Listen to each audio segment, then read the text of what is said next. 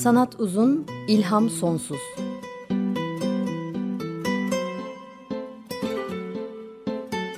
Sanat üzerine psikolojik sohbetler. Hazırlayan ve sunanlar Şenol Ayla ve Timuçin Oral.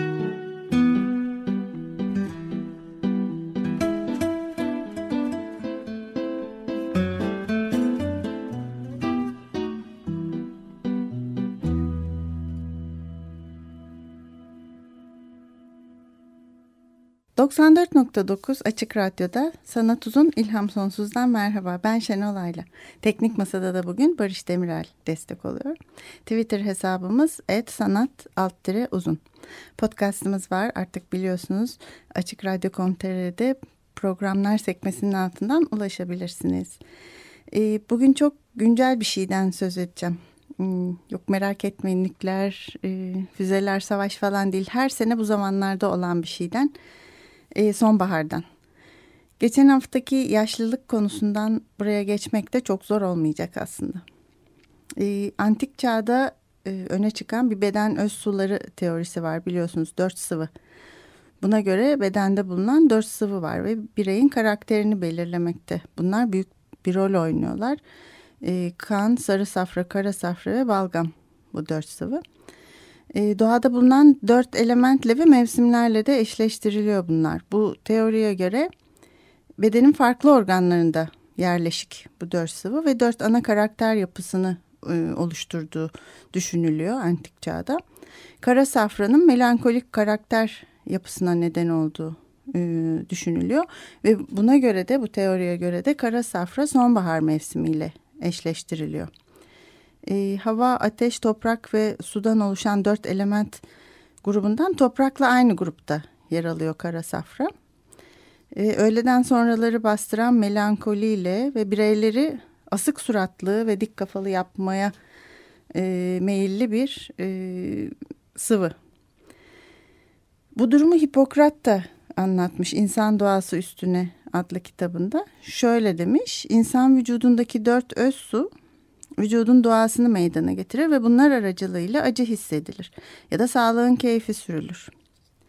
Ee, en mükemmel sağlığa demiş Hipokrat. Bu sıvılar vücutta doğru oranda bulunduğunda ya da doğru biçimde birbirine karıştığında ulaşabiliriz. Bu vücut sıvılarından biri eksikse, ıı, aşırı miktarda bulunduysa ya da diğer sıvılarla karışım durumunda bir sorun varsa ağrı hissedilir demiş. Bir vücut sıvısı yalıtılmış bir durumdaysa yani kendi başına bulunup diğerleriyle karışamıyorsa vücudun o sıvılardan mahrum kalan bölgeleri hastalanır. E, ya da sıvının toplandığı organlarda aşırı yüklenmeyle insana acı ve rahatsızlık verir. Ayrıca bu sıvının lüzumsuz miktarda fazla bulunması da e, rahatsızlık oluşturur. Ve bunu vücuttan akıtmak için de acı yaşar insan. Ancak bu sıvı vücudun içine ilerlerse, diğer sıvılardan ayrılıp kendi başına hareket ederse, e, biraz önce sözü edilen her iki ağrı da mutlak hissedilir. Hem vücudun bu sıvıdan yoksun kalan bölümü ağrır hem de fazla toplandığı bölümü ağrır. E, Serol Teber de Melankoli kitabında bundan bahsediyor. Kara safrakanın olumsuz bir değişimi olarak kabul edilmiştir diyor. Ancak bunun yanı sıra havayı tutma özelliğinden dolayı da şarabın oluşturduğu etkiye benzetilmiştir diyor. Melankoli hastalığına yakalananlar şarap içenlerle karşılaştırılmış.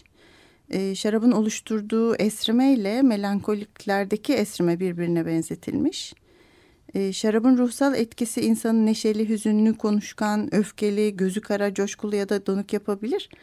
E, ancak etkisi geçici olduğu için insanı kısa süreliğine olağanüstü yapar. Ama kara safralı yani melankolik mizaçlı olmaksa insanı ömür boyu olağanüstü kılar. Dolayısıyla melankoliklerin hayal gücü yüksek kişiler olduğu düşünülmektedir diyor Duserol Teber Melankoli kitabında. Ee, sonbahar birçok insanda benzeri duygular, benzeri haleti ruhiye yaratıyor sanırım. Benim gibi of yaz bitti çok şükür diyenler dışında e, herkes az çok aynı şeyleri yaşıyor. Ben e, yağmur yağacak, bulutlar gelecek, rüzgar esecek diye sevinen bir gruptayım ve sanırım azınlıktayım. Şu da var ki gündüzlerin kısalmasıyla birlikte gün ışığı daha az göreceğimiz günler geliyor ve o günlerde insan doğal olarak depresif ruh haline daha yatkın oluyor. Bu da bir gerçek tıpkı doğa gibi. Biyolojik temelleri var tabii bu dediklerimin ama şimdi hormonlardan söz etmeyeceğim. E, fakat ilkbaharın renkli, havai, neşeli, kıpır kıpır coşkusu ve yazın sıcak, aydınlık, canlı halinin ardından nasıl doğa sonbaharla başlayarak suskun, giderek karanlık, içe kapanık, soğuk, donuk hale geliyorsa sanki buna paralel olarak da insan aynı şeyleri yaşıyor. Her ne kadar doğadan koptuysa da insan hala onun bir parçası olarak bunları yaşıyor. Depresif, içe kapanık, karanlık, karamsar, donuk bir ruh haline az ya da çok giriyor. Metin Altıok'un şiirinde dediği gibi sonbahar ki acının değişmez dipnodudur demişti. Aynı onun gibi. Bunları bilmek için de bilim insanı olmaya gerek yok aslında. Kendini ya da diğer insanları gözleyen herkes bunu söyleyebiliyor. Sonbahar e, hüzündür, bitişe yaklaşmadır, uykuya yakın durandır. Ama yine de renklidir, sarı turuncu, koyu, yeşil ve kahverengidir. Koca bir yılın coşkusunun ardından aslında dinlenmeye de yakındır.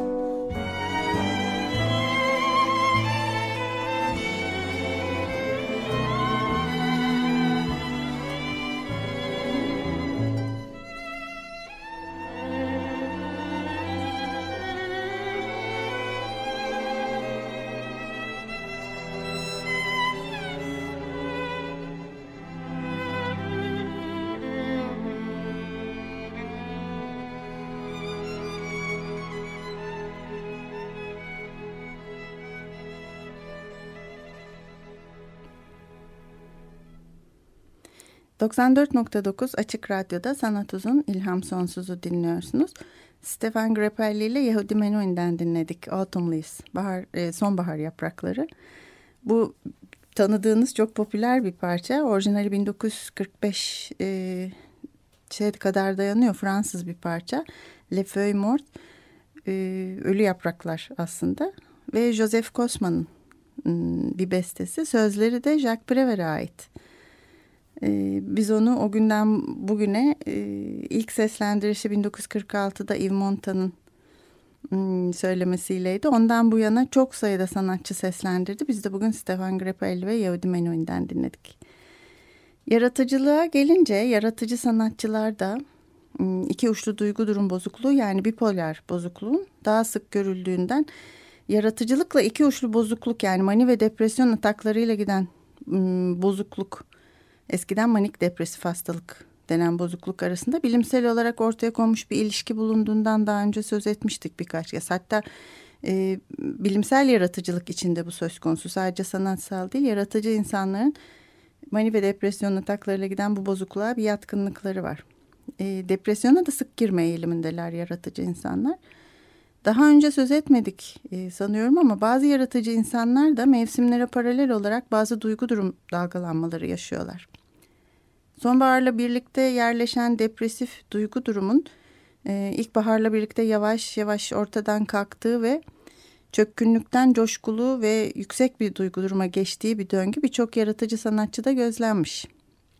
Hatta ünlü psikiyatrist Krepel'in manik depresif bozuklukla ilgili yazarken şöyle demiş. Sonbaharda gelip yerleşen çökkün halin ilkbaharda ağaçlar yaprak açmaya başladığında tam tersi coşkun hatta taşkın bir duruma geçtiğini kendi klinik deneyimlerimde gözledim, gözlemledim.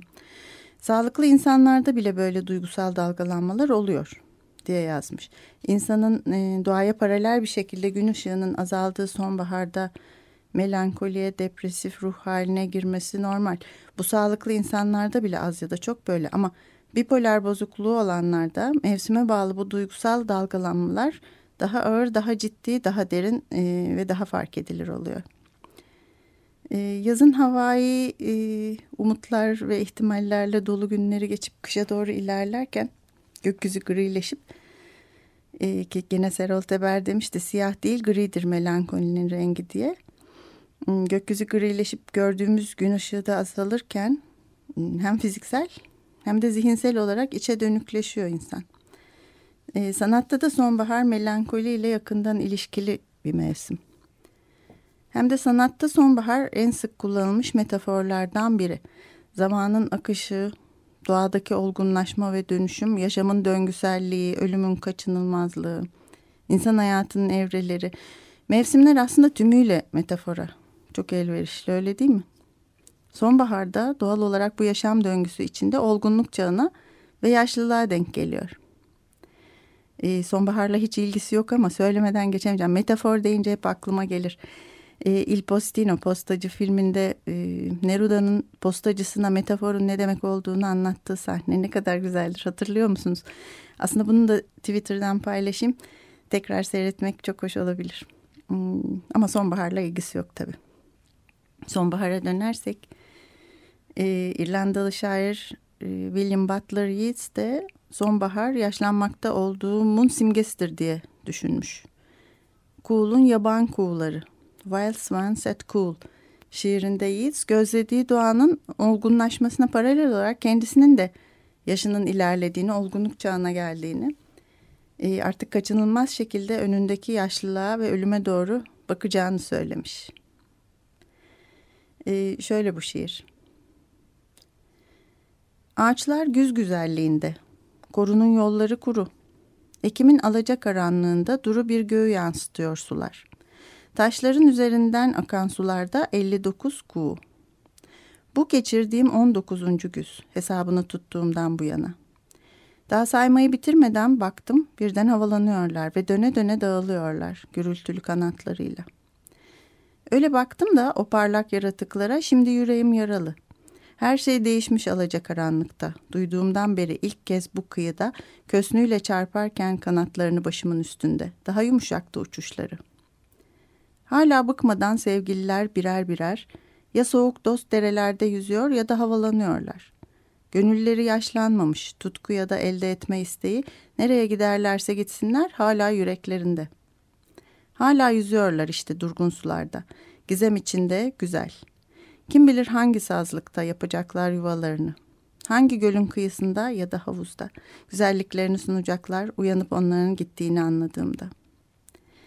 Ee, William Butler Yeats'in Kuğul'un Yaban Kuğuları şiirini Cevat Çapa'nın çevirisinden ıı, okumaya çalıştım.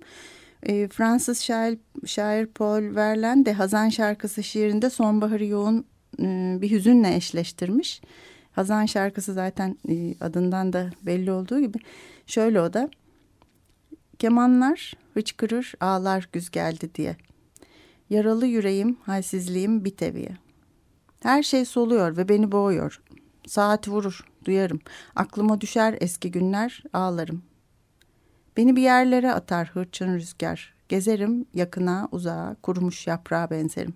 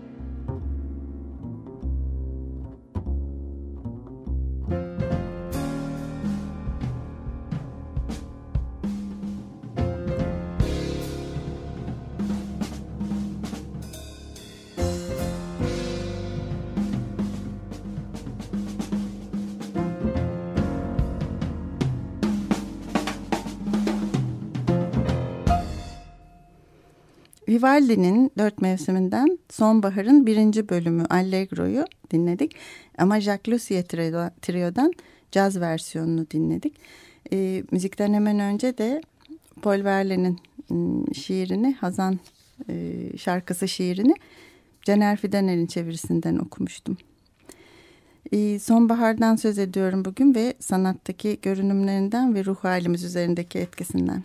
Hmm, sonbahar doğaldır ki sanatta en çok hüzünle birbirine yakıştırılıyor.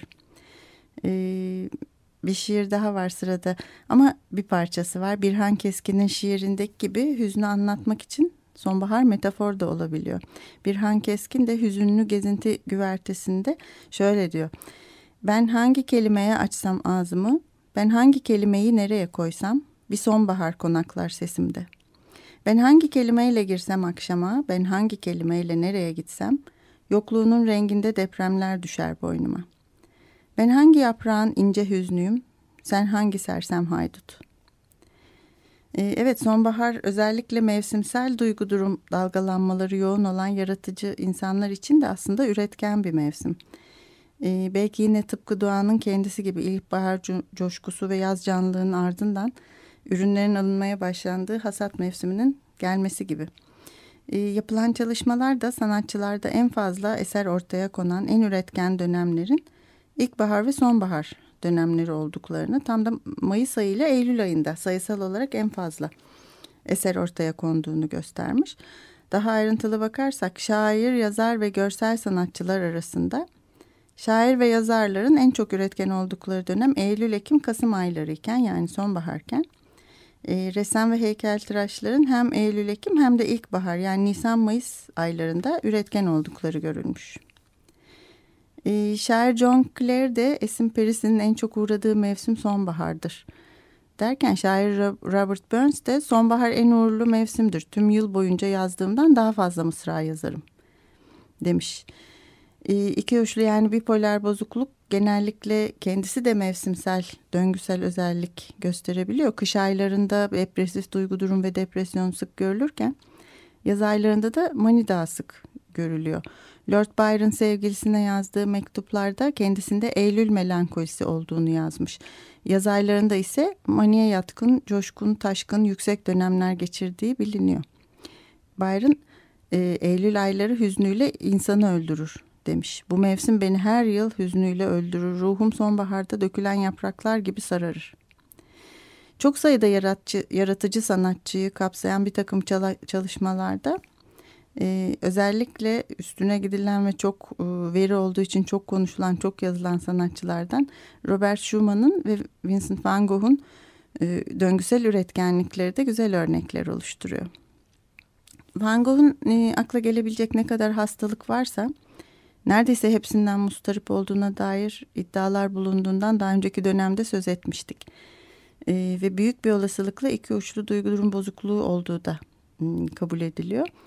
E, aşırı duygu durum değişkenlikleri, uzun depresyon dönemleri buna karşılık çok yaratıcı olduğu dönemler, e, aşırı hareketli, coşkun, taşkın olduğu dönemler, uyku düzensizlikleri, aşırı dindar olduğu dönemleri, e, sinirli ya da çabuk öfkelenen dönemleri, e, işitsel görsel halüsinasyonları, hassas alıngan ya da şiddete yatkın olduğu dönemleri oluyor. E, ve alkol kötüye kullanımı bulunuyordu. Bunları biliyoruz. Erkek kardeşi Theo da tekrarlayan depresyon atakları geçiriyordu. Vincent'ten bir yıl sonra Theo 34 yaşındayken öldüğünde ölüm sebebi olarak raporuna e, şöyle yazılmış. Irsi kronik hastalık, aşırı çalışma ve hüzün nedeniyle gelişen dementia paralitika. Ee, bir paralizi yapan bir bunama gibi bir e, isim kullanılmış burada. E, hüzün nedeniyle öldü gibi olmuş sonuçta. Ve bir kız kardeşleri e, var Theo ile Vincent'ın, Wilhelmina. O da ömrünün 40 yılını akıl hastanesinde geçirmiş. E, bu ailevi e, yükü ve kendi yaşadığı bildiğimiz durumlar nedeniyle Van Gogh'un da bipolar bozukluk olduğu düşünülüyor. Üretkenliğine bakıldığında sonbahar aylarında çok iş yaptığı görülmüş Van Gogh ve tabii sonbaharı da resmettiği birçok resmi var. E, çok sayıda servili tablosu içinde coşkusu ve hareketiyle çok özel bizi de içine çekiveren bir tanesi servilerle buğday tarlası. Bunu da Twitter'dan paylaşıyorum. Hmm, Eylül 1889'da yapmış. Ee, şu an göremeyenler için biraz anlatmak isterim. Bulutlu, mavi, yeşil, beyaz hatta e, fırtınalı bir gök altında. Belli ki rüzgarla dalgalanan sarı turuncu bir buğday tarlası. Sağda rüzgarla hareketlenmiş karanlık ve görkemli e, iki servi ağacı. Resmi bize ne kadar heyecanla yaptığını belki biraz da nasıl acele ettiğini de hissettiriyor bize. Uzun süre bakarsanız bu buğday tarlasından gelen esintiyi hatta başakların sesinde duyabilirmişiz gibi geliyor insana.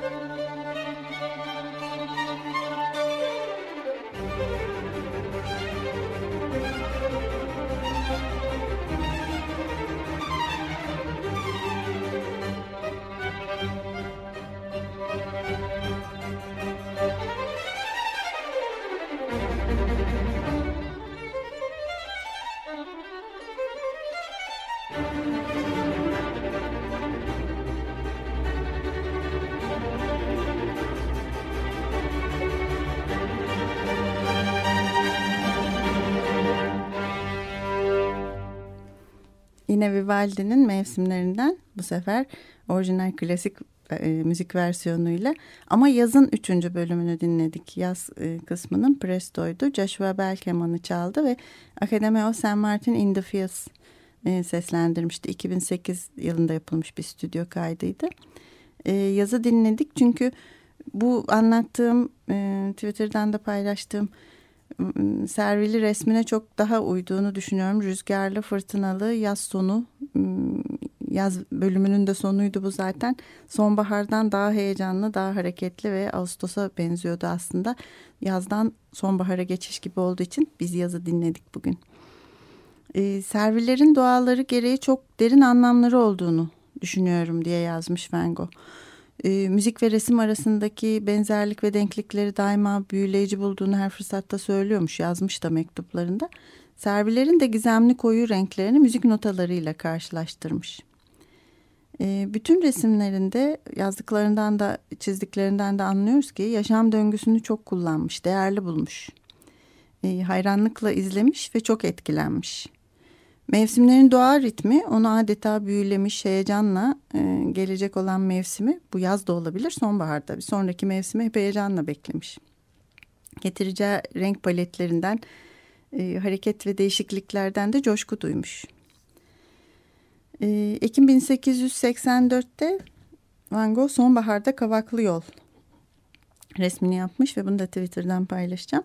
Ve Teo'ya bu resim için şöyle yazmış. Yaptığım son şey Kavaklı Yol'un daha büyük bir çalışması oldu. Sarı sonbahar yaprakları, güneş oraya buraya dökülmekte, dökülmüş yaprakların üzerinde parlayan lekeler var. Ağaç gövdelerinin uzun gölgeleri, gölgeleriyle karışıyorlar. Yolun sonunda küçük bir kulübe var ve yukarıda sonbahar yapraklarının arasında masmavi bir gök görünüyor.''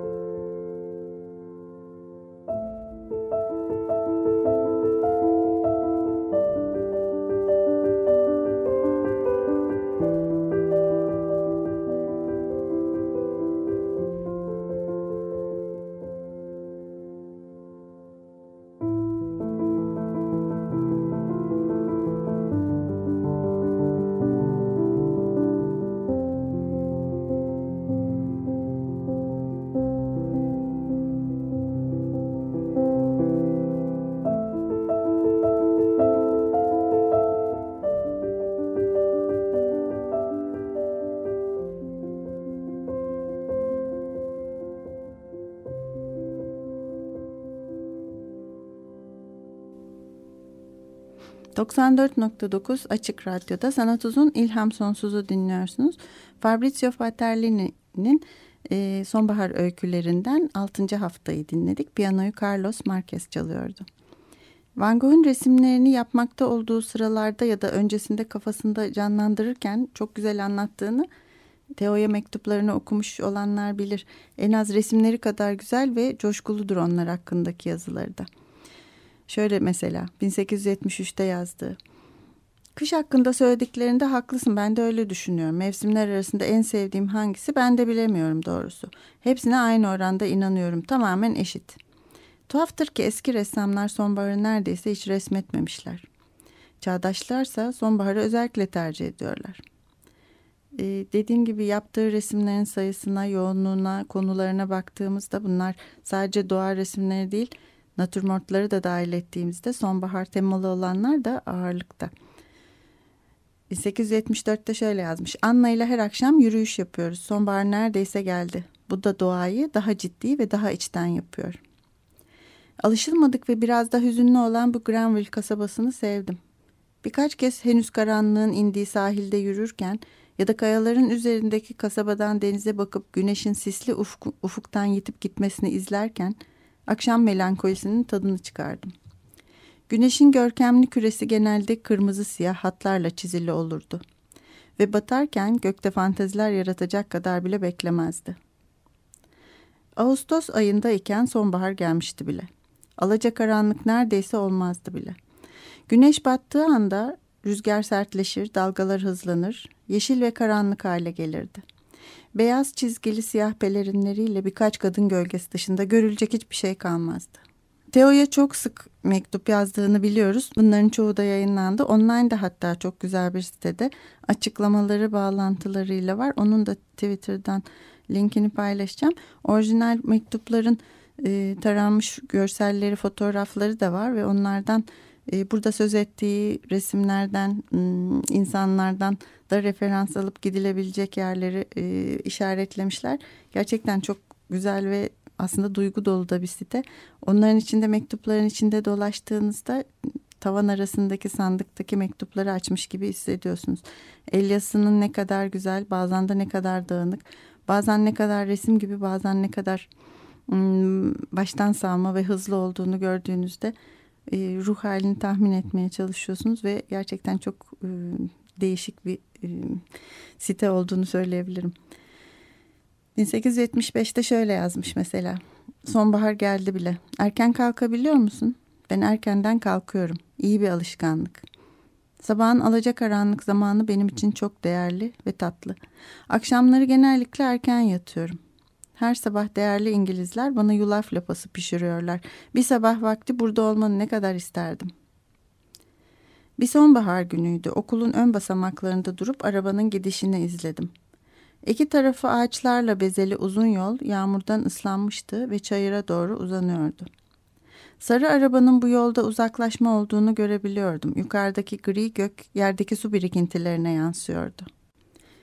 E, Van Gogh'un mektuplarını okumak, resimlerini izlemek kadar etkileyici. Renklere duyduğu coşku, manzaraya duyduğu heyecan hepsini e, tablolarda olduğu gibi mektuplarında da görebiliyoruz. Açık bir sonbahar günüydü. Thames Nehri boyunca buradan Richmond'a yürüdüm. Nehir sarı yapraklarının ağırlığını taşıyan büyük kestane ağaçlarını ve açık mavi göğü yansıtıyordu.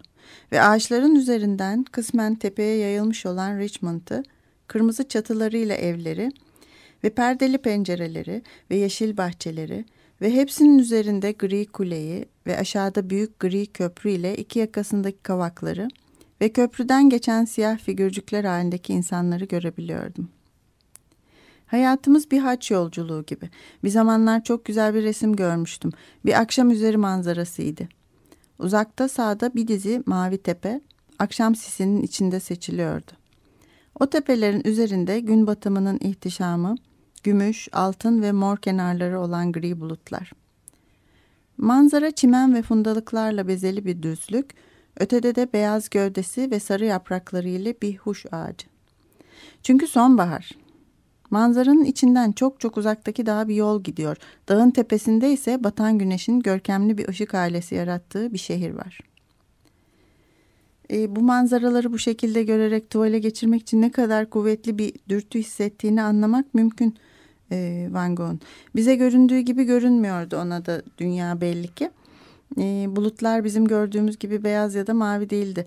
Kenarlarında altın, mor ve gümüş e, rengi çizgileri vardı. Ve onları resmetmesi de şarttı. Sevgili Teom, mektubunu ve içindeki 50 frankı az önce aldım. Çok teşekkür ederim. Sen de çok zor durumda olmana rağmen göndermene teşekkür ediyorum. Buna her zamankinden çok daha fazla ihtiyacım vardı. Çünkü sonbahar çok çabuk geçiyor ve üstelik çalışmak için de en iyi mevsim. Ama ben bu arada dokumacıların resmini yapmaktan vazgeçtim. Er ya da geç ona yine dönerim belki ama Şimdi ormanda sonbahar var ve bu beni her şeyden çok ilgilendiriyor. Beni özellikle cezbeden iki şey var sonbaharda. Bazen düşen yapraklarda, menevişli ışıkta, nesnelerin puslu halinde, ağaçların ince gövdelerinde zarif bir melankoli var. Öte yandan bazen de kaba sert halini seviyorum bu mevsimin. Mesela öğle güneşinde toprağa kazan bir adamın teri üzerindeki güçlü ve sert ışık oyunları hoşuma gidiyor. Bunu da daha ileride 1882'de yazmış. E, sonbahar hasat zamanı olduğundan da çok sevdiği bir mevsim olmuş e, Van Gogh belli ki. Resmini şimdi bitirdiğim üzümler yeşil, eflatun ve sarı diye yazmış başka bir mektubunda 1888'de yine Theo'ya. Mor salkımların üzerinde siyah ve turuncu lekeler var. Ufukta mavi gri söğütler, uzakta üzümlerin sıkıldığı yapı var. Kırmızı çatısı ile ve daha uzakta da leylak rengi köy görünüyor. Üzüm bağında kırmızı baş örtülü küçük kadın figürleriyle sepetlerine üzüm dolduran başka üzüm toplayıcılar var. Yukarıda mavi gök, önde de gri kum. Yapmış olduğum tabloyu beğeneceğini sanıyorum. Daha fazlasını da yapacağımı biliyorum sonbahar boyunca. Her gün biraz daha zenginleşiyor.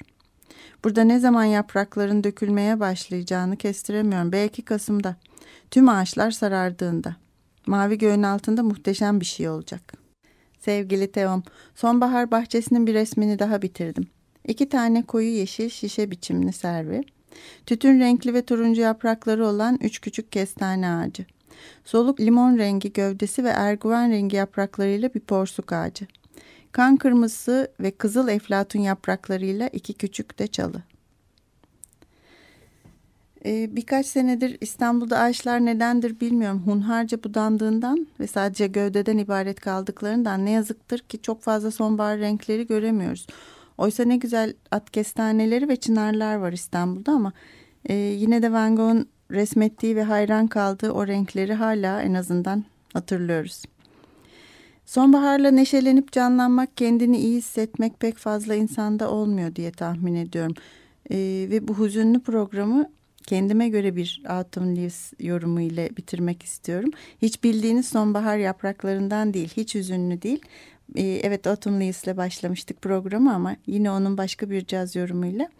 Ee, Chet Baker ve Paul Desmond'dan dinleyeceğiz. Trompette Chet Baker, alto saksafonda Paul Desmond, e, flütte Hubert Laws, klavyede Bob James ve kontrbasta Ron Carter'la davulda da Steve Gadd çalacaklar. Autumn Leaves'i bir kere daha dinleyeceğiz. Bol renkli ve serin rüzgarlı bir hafta dilerim. Hoşçakalın.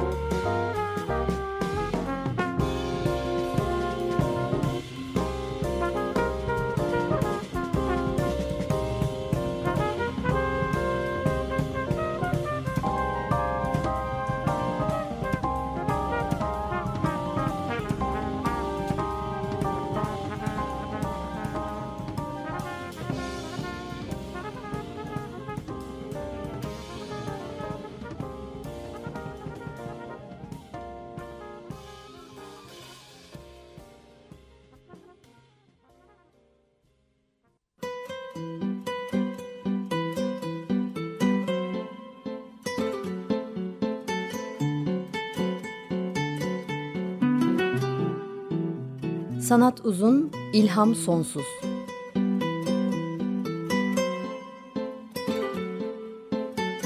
Sanat üzerine psikolojik sohbetler. Hazırlayan ve sunanlar Şenol Ayla ve Timuçin Oral.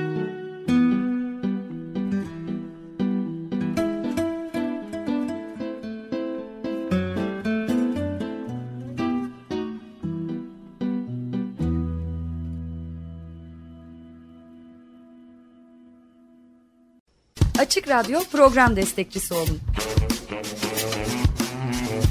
Bir veya daha fazla programa destek olmak için 212 alan koduyla 343 41 41.